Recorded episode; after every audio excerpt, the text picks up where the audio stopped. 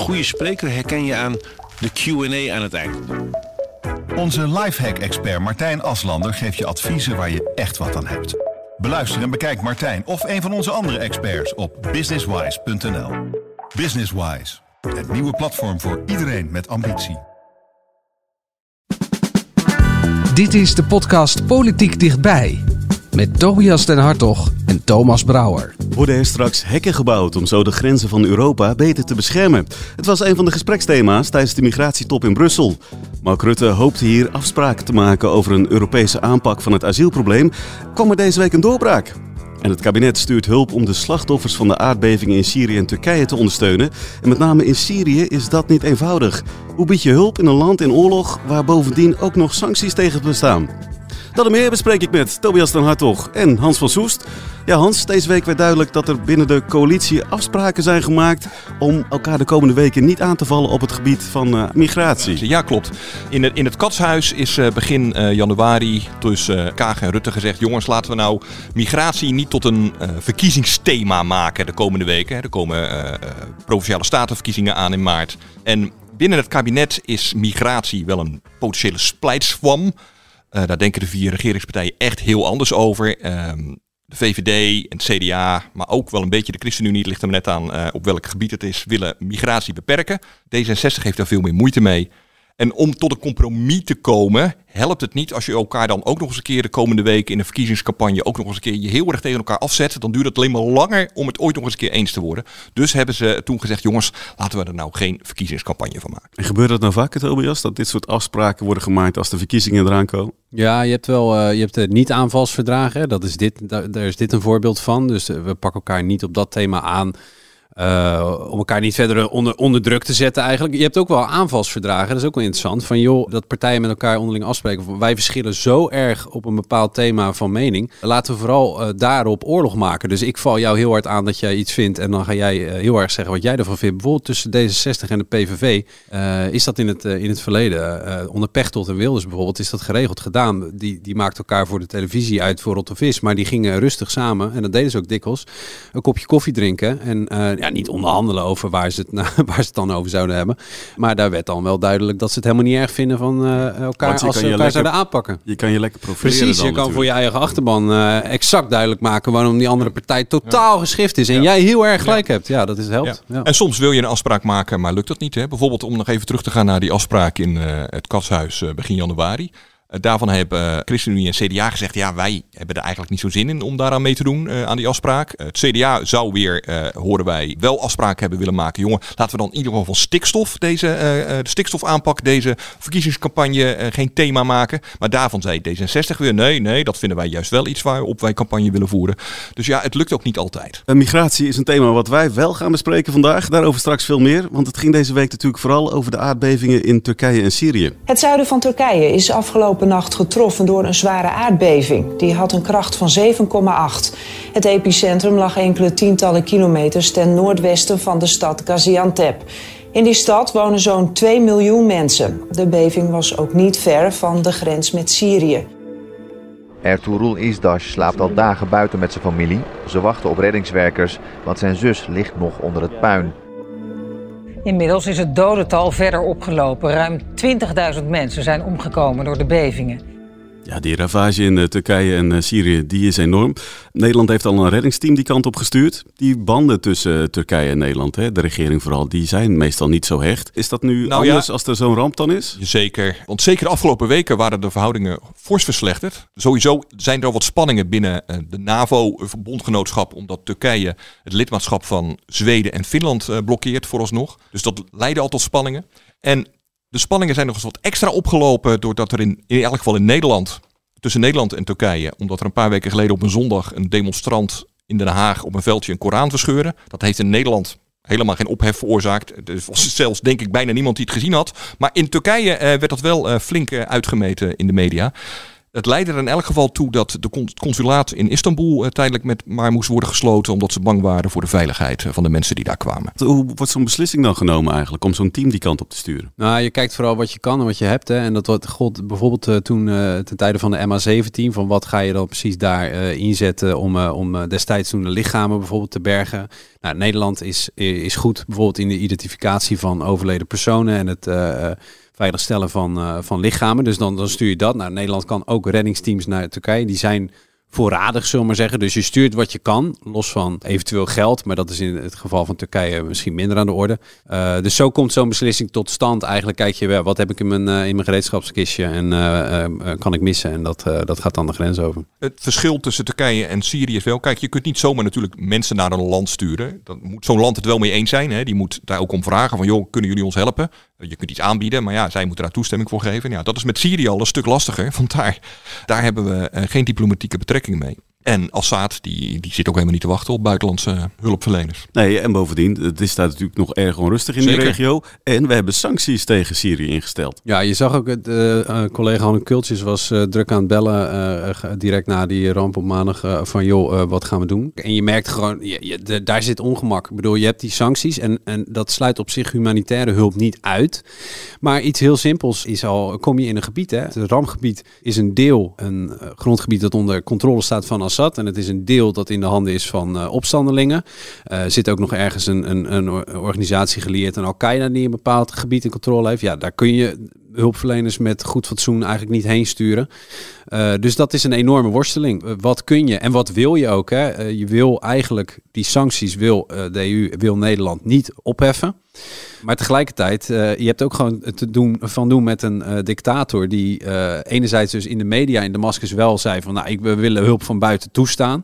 Maar de hulporganisaties die lieten al weten van nou, er is nog steeds bij de grens zijn de poorten dicht. Hè? Dus ja, ergens in dat, dan wordt het ineens ook heel politiek. Dan, dan blijkt je misschien minder te kunnen dan je dan je zou willen. Het is heel cynisch natuurlijk ook. Assad die wil gewoon geen hulp verlenen aan de gebieden waar de rebellen nog de baas zijn. Overigens, één ding over het sanctiebeleid nog. Hulpgoederen, hè, echt humanitaire dingen, vallen op zich niet onder het sanctiebeleid. Dus die, kunnen, die zouden er naartoe kunnen worden gestuurd. Maar ja, nogmaals, dan heb je wel een beetje medewerking nodig met uh, het regime daar. Minister Schrijnemacher van Buitenlandse Handel die had het daar deze week ook over. Um, ze zei er dit over. Als kabinet hebben we besloten dat we 10 miljoen vrijmaken voor uh, hulp aan Syrië. En dan heb ik het met name over noodhulp. Dat gaat dus over voedsel, over water, over dekens, uh, tenten, onderdak. We weten dat het heel lastig is om uh, toegang te krijgen uh, tot die gebieden die echt uh, in nood zijn. En uh, we onderhouden ook goed contact met die organisaties daar om ervoor te zorgen dat ze die toegang krijgen.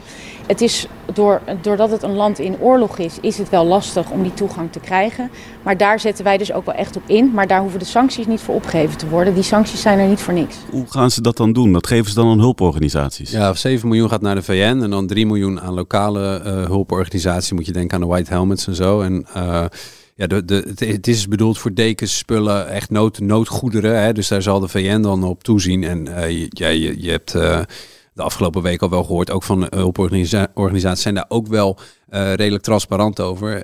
dat er gewoon een, tientallen percentages van die hulp, dat blijft aan de strijkstok hangen ergens gaandeweg. Dat, dat, dat kun je in dat soort landen onmogelijk voorkomen. zeker met een, een, een, dictator aan het hoofd. Hè? Dus dat, dat is nooit helemaal te ondervangen. Uh, maar op die manier uh, hopen ze nog steeds dat, dat, dat dit dus goed terechtkomt. En is daarmee dan ook, uh, ja, dat klinkt misschien wat cynisch, maar het vinkje achter Syrië, we hebben geholpen gezet? Nou ja, niet helemaal. Want uh, stel dat dit, uh, deze ramp, hè, er zijn Turkse rekenaars zijn aan de gang gegaan. Die, die zeggen dat er misschien wel 200.000 doden te betreuren gaan zijn. Op enig moment als, als alle, ja, al, er is ook nu, nu nog kou gaat er overheen. Hè. Dus mensen die al onder wrakstukken liggen, die kunnen best ook wel eens bezwijken gewoon aan de weersomstandigheden en de Gevaar, tijd. Gevaar voor epidemieën. Gevaar voor epidemieën. Dus er gaat gewoon, er is een enorm gat geslagen daar, een enorme tragedie. En dat gaat ook, uh, dat heeft altijd deining tot bijvoorbeeld weer vluchtelingen, die uh, vluchtelingenstroom die op gang zou kunnen gaan komen. Mensen die toch een, ja, het huis hebben verloren en op zoek gaan elders. Dus de, in die zin ja, krijg je er ook langs die weg mee te maken. Als het, hè, als we het even helemaal politiek zakelijk maken. Ja, en dat zal dus effect hebben ook op veel langere termijn dan Ja. alleen de komende, dan het komende jaar alleen al. Ja, absoluut. Ja, nee, dan heb je het over eh, mogelijk over jaren. Dat is niemand, door niemand te voorspellen, hè, want eh, we, we weten gewoon simpelweg niet hoe de situatie in Syrië eh, precies is. Maar ja, daar moet je wel rekening mee houden. Daar was op dat vlak ook een flinke tegenvaller deze week voor premier Rutte. Want de Raad van State die zette een streep door de nareisbeperking. En dat was die regel waarmee we eventueel die migratie wat konden af... Nou, in elk geval tijdelijk een beetje konden uitstellen. Ja. Ja, want het was niet een verbod op eh, nareizen van. Het ging om eh, mensen die hier een verblijfsvergunning hebben. Dat ze, dan mag je je gezin laten overkomen. En de regel was van, joh, dat mag nog steeds. Alleen we wachten daar even wat langer mee dan anders. eh, totdat we wat meer ruimte hebben in de asielzoekerscentra. En de, je moest een huis hebben, zeg maar, een woning.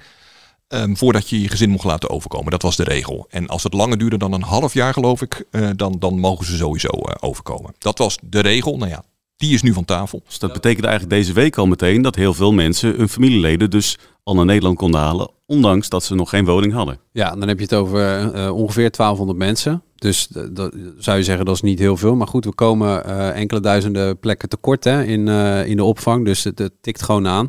Je kan wel zeggen, als je even door je oogharen met wat meer afstand kijkt naar wat er deze week is gebeurd. Maar wat er überhaupt in rechtbanken de afgelopen tijd is gebeurd als het gaat om die asieldeal, is wel dat het een beetje als een ui is afgepeld inmiddels. Hè. De nareisbeperking, maar ook het, de rechter heeft ook gehekeld dat de procedures bij de IND zo langzaam verlopen dat mensen eh, eigenlijk sneller geholpen zouden moeten worden. Dus dat er sneller wordt besloten of jij wel of niet recht hebt op asiel. Eh, daarvan heeft de rechter ook al bepaald van ja, dit, dit gaat echt te langzaam. Jullie zijn aan het traineren eigenlijk.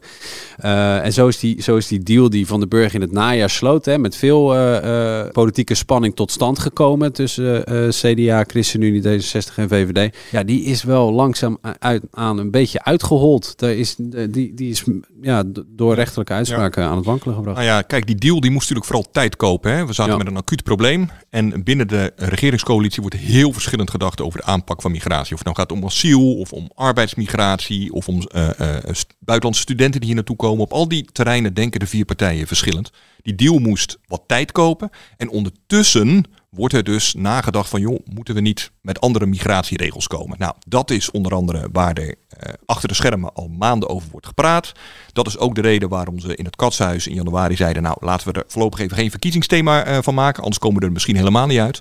Dus ja, er moet wel iets gebeuren. Ja, maar toch nog even over dat tijd kopen. Hè, want dat, eh, op zich, het is allemaal te begrijpen. Je hebt ook nu nog de, de dwangwet ligt nog op tafel. Hè. Dan gaat het over een wet die uh, gemeenten moet kunnen dwingen eh, eh, om eh, asielzoekers op te vangen. Hè. Er zijn een aantal burgemeesters die, ja, die nemen gewoon letterlijk niet op. Als Erik van den Burg, staatssecretaris van Asiel, gaat bellen van jongens, ik heb nu eh, eh, 100 bedden nodig. Dan zijn er gewoon burgemeesters die hem wegdrukken bij wijze van spreken. Of wel opnemen en zeggen, ja, maar ik kan het echt niet maken. En de gemeenteraad wil het niet enzovoort. En dan zegt Van den Burg, ja, ik ken nog 300 gemeenteraden die niet willen, maar ik heb bedden nodig.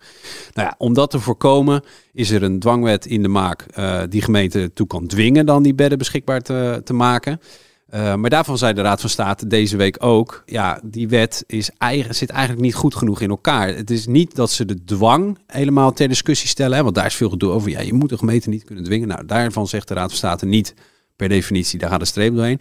Maar de Raad van State zegt wel van ja, wij denken dat dit niet het handigste middel is. Je wil dat gemeenten solidair zijn met elkaar. En dit helpt niet, want in de wet zit namelijk ook een beloningssysteem. Doet de gemeente, helpt de gemeente wel mee, dan staat daar een beloning tegenover. Nou, dan krijg je dus competitie en dat helpt de solidariteit niet. Nou, lang verhaal kort, die dwangwet, dat ligt ook al niet zo lekker. Dus je hebt al die, al die bestandsdelen van die asieldeal uh, van het najaar, ja, die, die wankelen en het piept en het kraakt en het kan al niet meer. En dat maakt het niet zo lekker. En wat ik daarvan wel wil opmerken is, veel wisten ze al. Dus Van den Burg wist al in een aantal gevallen dat het juridisch geen stand zou houden. Geen stand zou houden. Of op, of op zijn minst, dit is misschien te stellig, maar op zijn minst dat, er, uh, dat, dat het lastig dat er, zou worden. Uh, ja, een grote kans zou zijn dat de rechter hem terug zou fluiten. En dat maakt het wel een klein beetje cynisch. Hè? Ook expres geen advies aangevraagd bij de Raad van State over bepaalde bestandsdelen van de asieldeal, omdat hij wel vreesde dat dat misschien geen stand zou houden.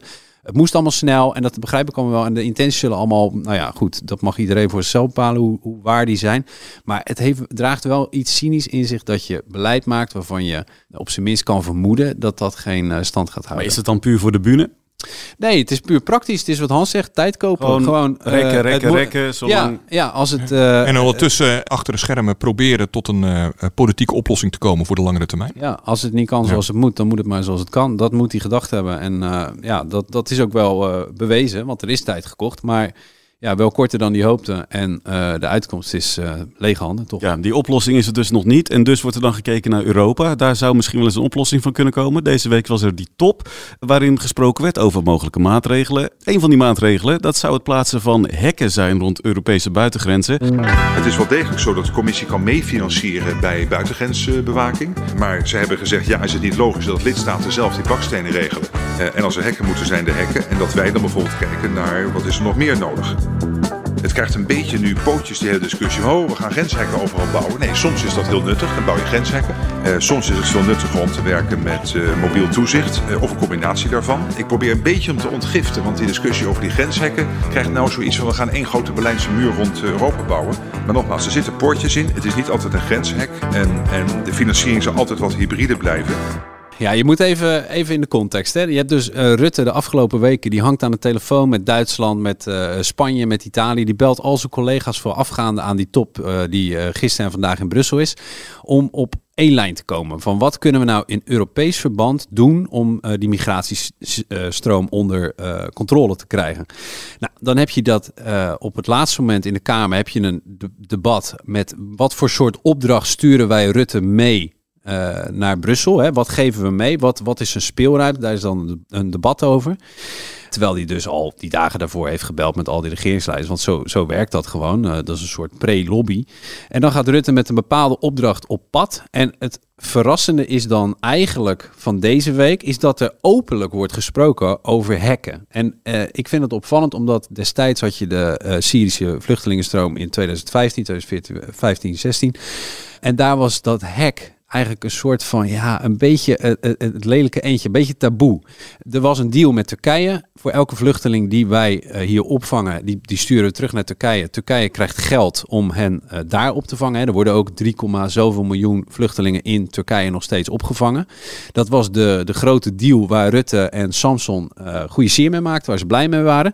Maar het, het heeft ook altijd een beetje gevrongen dat er op datzelfde moment in Oost-Europa gewoon hekken werden gebouwd. En eh, waar asielzoekers gewoon in de modder tegen een hek aanliepen. En vervolgens eh, dat natuurlijk ook appte naar het thuisfront van ja jongens, deze route die zo in een paar dagen van Aleppo naar Berlijn liep, ja die is dicht.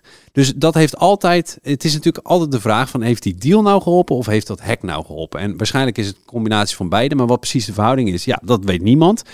En toen werd Rutte praten niet graag over dat hek destijds. Het was die deal, dat was het succes. Die, dat hek, ja, nou ja, oké, dat, moet, eh, dat moeten die landen in Oost-Europa maar weten. Dat was, eh, dat was altijd een beetje het ondergeschoven kindje. En nu wordt er openlijk, ook door Rutte, over, die, eh, over een hek gesproken. Ja, je merkt dat het denken over de plaats van hekken wel echt is, is verschoven. Tobias noemde net de eh, crisis van een paar jaar geleden. Toen stond eigenlijk heel eh, Europa nog een beetje met het vingertje te wijzen naar eh, Oost-Europa. Van, oh, hekken, dat kan toch eigenlijk helemaal niet. Waarom wordt- is dat zo gevoelig? Ja, dat was toch zoiets van een soort van Fort Europa. En we houden vluchtelingen tegen met een hek. En dat moet toch allemaal niet kunnen. Dat lag allemaal heel gevoelig.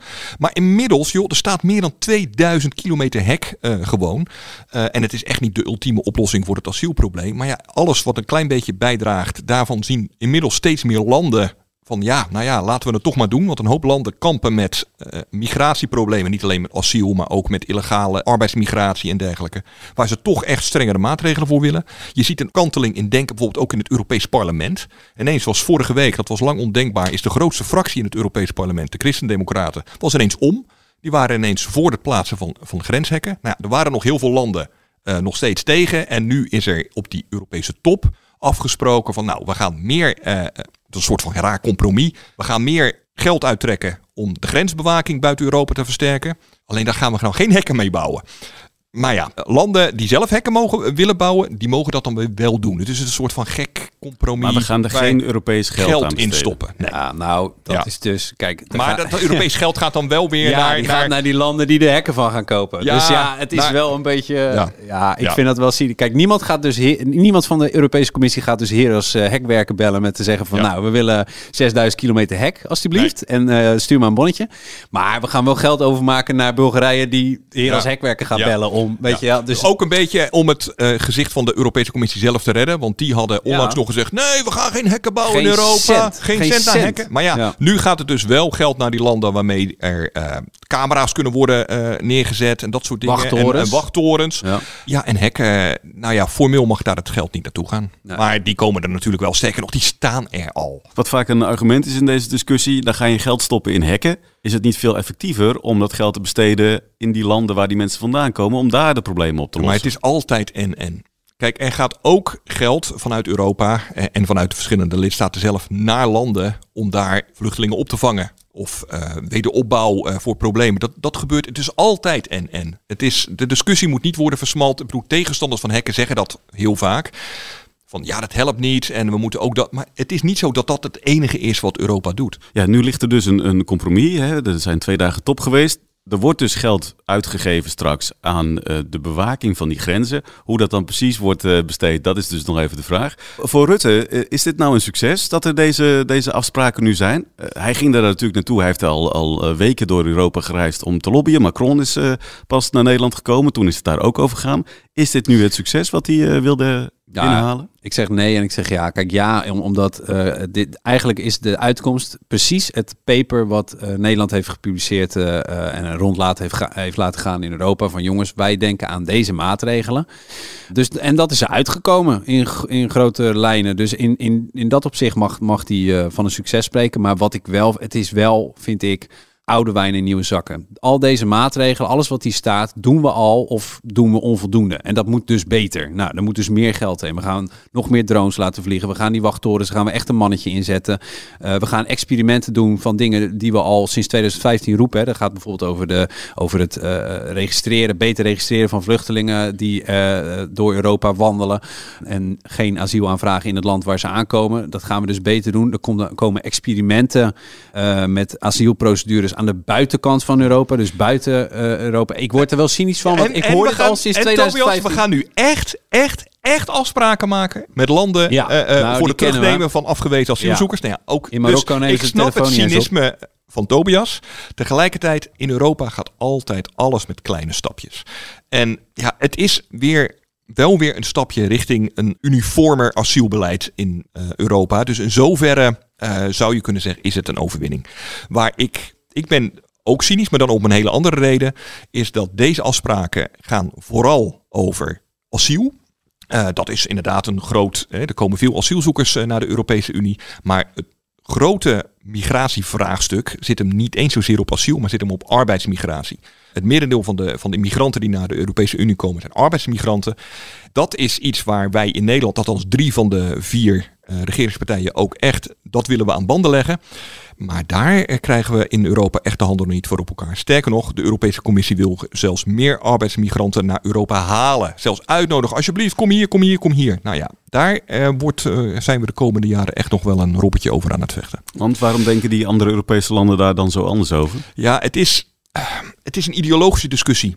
Andere landen, Europese Commissie, maar ook partijen in Nederland, die kijken bijvoorbeeld naar het, de vergrijzing in Europa. Kijk naar Nederland. We hebben een vergrijzing in Europa. eh, eh, steeds meer mensen die zorg nodig hebben. Eh, we hebben enorm personeelstekort. Dus een oplossing daarvoor is, volgens de voorstanders, meer migratie. Mensen die van buitenaf komen, die hier het werk kunnen doen, omdat er hier steeds minder merk mensen zijn om bijvoorbeeld in de zorg te werken. Maar wat zien we in de praktijk? Bijna al die arbeidsmigranten die naar de Europese Unie komen, die komen hier niet om in de zorg te werken. Die komen hier om pakketjes rond te brengen, omdat wij zo graag alles bestellen bij bol.com. Of die komen hier in de kassen werken, of die komen hier in slachterijen werken. En je kunt je natuurlijk afvragen, er is vorig jaar een, een belangrijk advies gekomen van de Adviesraad Migratie. Is dat nou het type arbeidsmigratie waar we echt op moeten zitten te wachten in Nederland of in de Europese Unie? Al dit laag betaalde arbeid, eh, waar we dan mensen van buiten afhalen en waar bedrijven hebben dan goedkope arbeid van buiten. En die mensen, ja, de samenleving moet dan maar die mensen opvangen. Eh, er zijn te weinig huizen. Ehm, nou ja, iedereen kent de problemen. Binnen de coalitie zijn er in elk geval twee partijen, ChristenUnie en CDA, die dat echt aan banden willen leggen. Eh, VVD twijfelt nog een beetje. D66 is er eigenlijk niet zo heel erg voor. En in Europa ligt het ook heel gevoelig. Dus ehm, die, die grote stroom arbeidsmigranten eh, die naar Europa komt, die gaat gewoon echt nog wel door de komende jaren. Ik, ik, ik hoop overigens wel dat Rutte niet luistert hoor. Want heeft hij, eh, heeft hij dus een succesje gehaald op het gebied van illegale migratie. En dan komt hij van Soes nog even over de arbeidsmigratie. Nou Het ja, probleem sorry, maar arbeidsmigratie is echt de grootste groep. Ja, die jongen Ja. dacht dat hij een fijne week Ja. had. Ja. Nou ja, hij zal het toch wel zo gaan claimen, neem ik aan, want de verkiezingen komen eraan. En op zich kun je het ook claimen als een succesje. Hè? Kijk, deze eh, extra ingelaste top, eh, die is er mede op zijn instigatie gekomen. Eh, er zijn nu extra stappen gezet en het is allemaal nog maar voorlopig. En het moet allemaal nog eens een keer op een volgende top eh, worden bekrachtigd. Maar het is wel een voorlopig succesje. Ja, En dat eerlijk heeft is hij- eerlijk. En dat heeft hij nodig, want als je hem hoorde op het laatste VVD-congres, dan heeft hij behoorlijke beloftes ge- gedaan. Maar inmiddels zitten we met een migratiestroom die nogmaals twee tot drie keer hoger is dan normaal. Die moet substantieel naar beneden. Dat vindt niet alleen de fractie, dat vind ik ook. Dat beschouw ik ook als een opdracht. Daar zullen we als partij moeten werken dat die migratiestroom substantieel wordt teruggebracht. Dus hier zullen wij de komende maanden als kabinet, als VVD, vreselijk hard aan werken. Ik verzeker u dat. Dat is een persoonlijk commitment wat ik u hier afgeef. Nou, ja, zijn commitment was overigens vooral dat hij er hard aan zou werken. Ja, het ja. was geen En- resultaatsverplichting. Nee, het was een inspanningsverplichting. Ja, ja, ja. Maar ik denk dat hij niet nog een belofte kan breken en dan zeggen, ja, maar ik ben verkeerd begrepen. Ja. Ja, kan hij, kan, de, de vraag is, is dit het dan? Nou ja, ik denk het niet. Ik denk het niet. Ik denk niet dat hij hiermee de VVD-achterban helemaal geruststelt. Het zal zich echt moeten eh, uitbetalen. Dus echt in de cijfers moet je, zou je een terugloop moeten gaan zien. Maar ik, ik denk dat, dat hij het meeste te verwachten heeft van dat experiment met die registratie aan de buitengrens. Als uh, Rutte kan aantonen of als Europa kan aantonen dat dat echt een, een functionerend middel is, ja, dan, eh, dan zal het zijn waarde hebben. Hè? Dan kun je echt bijvoorbeeld in, in landen aan de grenzen van eh, Europa echt bepalen van nou, dit is een erkende vluchteling, iemand die echt op de vlucht is voor oorlog of vervolging. En dit is iemand die een, eh, een baan zoekt. En die kan via deze weg niet komen. Ja, dat is de schifting die je eigenlijk wil maken buiten Europa. Want dan heb je die opvang niet. En ja, als, als zich dat eh, gaat, gaat uitbetalen, dan heeft hij iets om thu- thuis te komen. Maar dat gaat dus nog echt heel erg lang duren. Dus ik denk niet dat dan op korte termijn heel veel, eh, heel veel gaat brengen. Dat is niet deze maand gefixt. eh, Nee, maar als hij het aan, de, aan het smaldeel van de achterban van de VVD uitgelegd krijgt... maar jongens, dit is echt spectaculair, hè? En je zag het in de eerste, het eerste commentaar dat hij in Brussel gaf... had hij het ook echt al wel over een, een doorbraak, hè? Nou, als hij dat, die, die, die teksten blijft spuien... en de Kan daarmee eh, mee instemmen... ja, dan kan hij er een eind mee wegkomen. Maar ik, eh, ik, ik, de- ik denk niet dat het voldoende is. Ja, als we kijken naar volgende week, gaat dan de verkiezingskoers eh, eindelijk losbreken? Sorry, verkiezingskoorts, verkiezingskoorts. Ja, verkiezingen binnenkort. Ehm, ja, in Den Haag zijn er mensen die het erover hebben, maar buiten Den Haag echt helemaal niemand. Er was afgelopen week nog een onderzoekje van Ipsos, waaruit eh, eh, bleek dat 49% van de, van de bevolking, nou zeg maar de helft van de bevolking, echt geen idee heeft dat er ehm eh, statenverkiezingen zijn op Dat er 15 maart. überhaupt verkiezingen aankomen. Nou ja, er zijn dan de groep die wel vage notie heeft van... oh ja, er komen verkiezingen aan, die is iets groter. Maar dat het over statenverkiezingen gaat, weet minder dan de helft. Ja, dat zal het CDA erg fijn vinden. Een lage opkomst is goed voor het CDA, Ja. doorgaans. Ze wel. Maar goed, eh, andere dingen dan, volgende week? Nou, we houden wel het oog op dit, hè, want je hebt die potsierlijke tweestrijd die de VVD en de GroenLinks eh, PvdA eh, van de grond proberen te tillen. En wij daar doen, doen daar dus nu weer aan mee. Hè. Ik maak mezelf nu dus ook schuldig, want Ja, ik ga dat dit- benoemen. Dus ik heb, dat nu, ik Ja. heb daar nu aan bijgedragen. Oh, mag, mag, ik mag ik dan daar iets, iets, iets, iets over zeggen? Ja, Om het tuurlijk. een klein beetje te. Afgelopen zaterdag was het eh, de aftrap van de. We hebben eerst de aftrap van de campagne gehad van de VVD. Nou, die, eh, die zeiden: oh, linkse wolk, terug naar de Joop van, tijd van Joop den Uyl, uitkijken. Die willen alleen maar de belastingen verhogen. Nou, ja. Afgelopen eh, zaterdag ging GroenLinks en PvdA in een gezamenlijk congres. die pakte die handschoen gretig op. Hè, want een tweestrijd wil, willen ze allebei graag. Want dat is goed voor, om kiezers te trekken. Dus ik hoorde Jesse Klaver op het podium zeggen: "En tweestrijd die is er! En eh, vervolgens ook zeggen van, want wie wordt er dadelijk de baas? Is het de VVD met zijn rechtse of en soms zelfs extreemrechtse vriendjes? Ik ben eens heel even gaan kijken in eh, de besturen van al die provincies. In de helft van de provincies zijn die vriendjes, waar Klaver het net over had, is gewoon GroenLinks zelf. Hè? GroenLinks en PvdA zitten in de helft van de provincies gewoon in het bestuur met de VVD. En als je dan rondbelt met provinciale politici en je vraagt, joh, hoe gaat die samenwerking? Oh, samenwerking gaat eigenlijk eh, prima. Dus die opgeklopte tweestrijd, hij is wel een beetje potsierlijk inderdaad. Waarvan acte. Tot zo voor deze aflevering. Vind je dit nou een leuke podcast? Abonneer je dan. Dat kan via Spotify of Apple Podcast. En volgende week, dan zijn we er weer. Tot dan.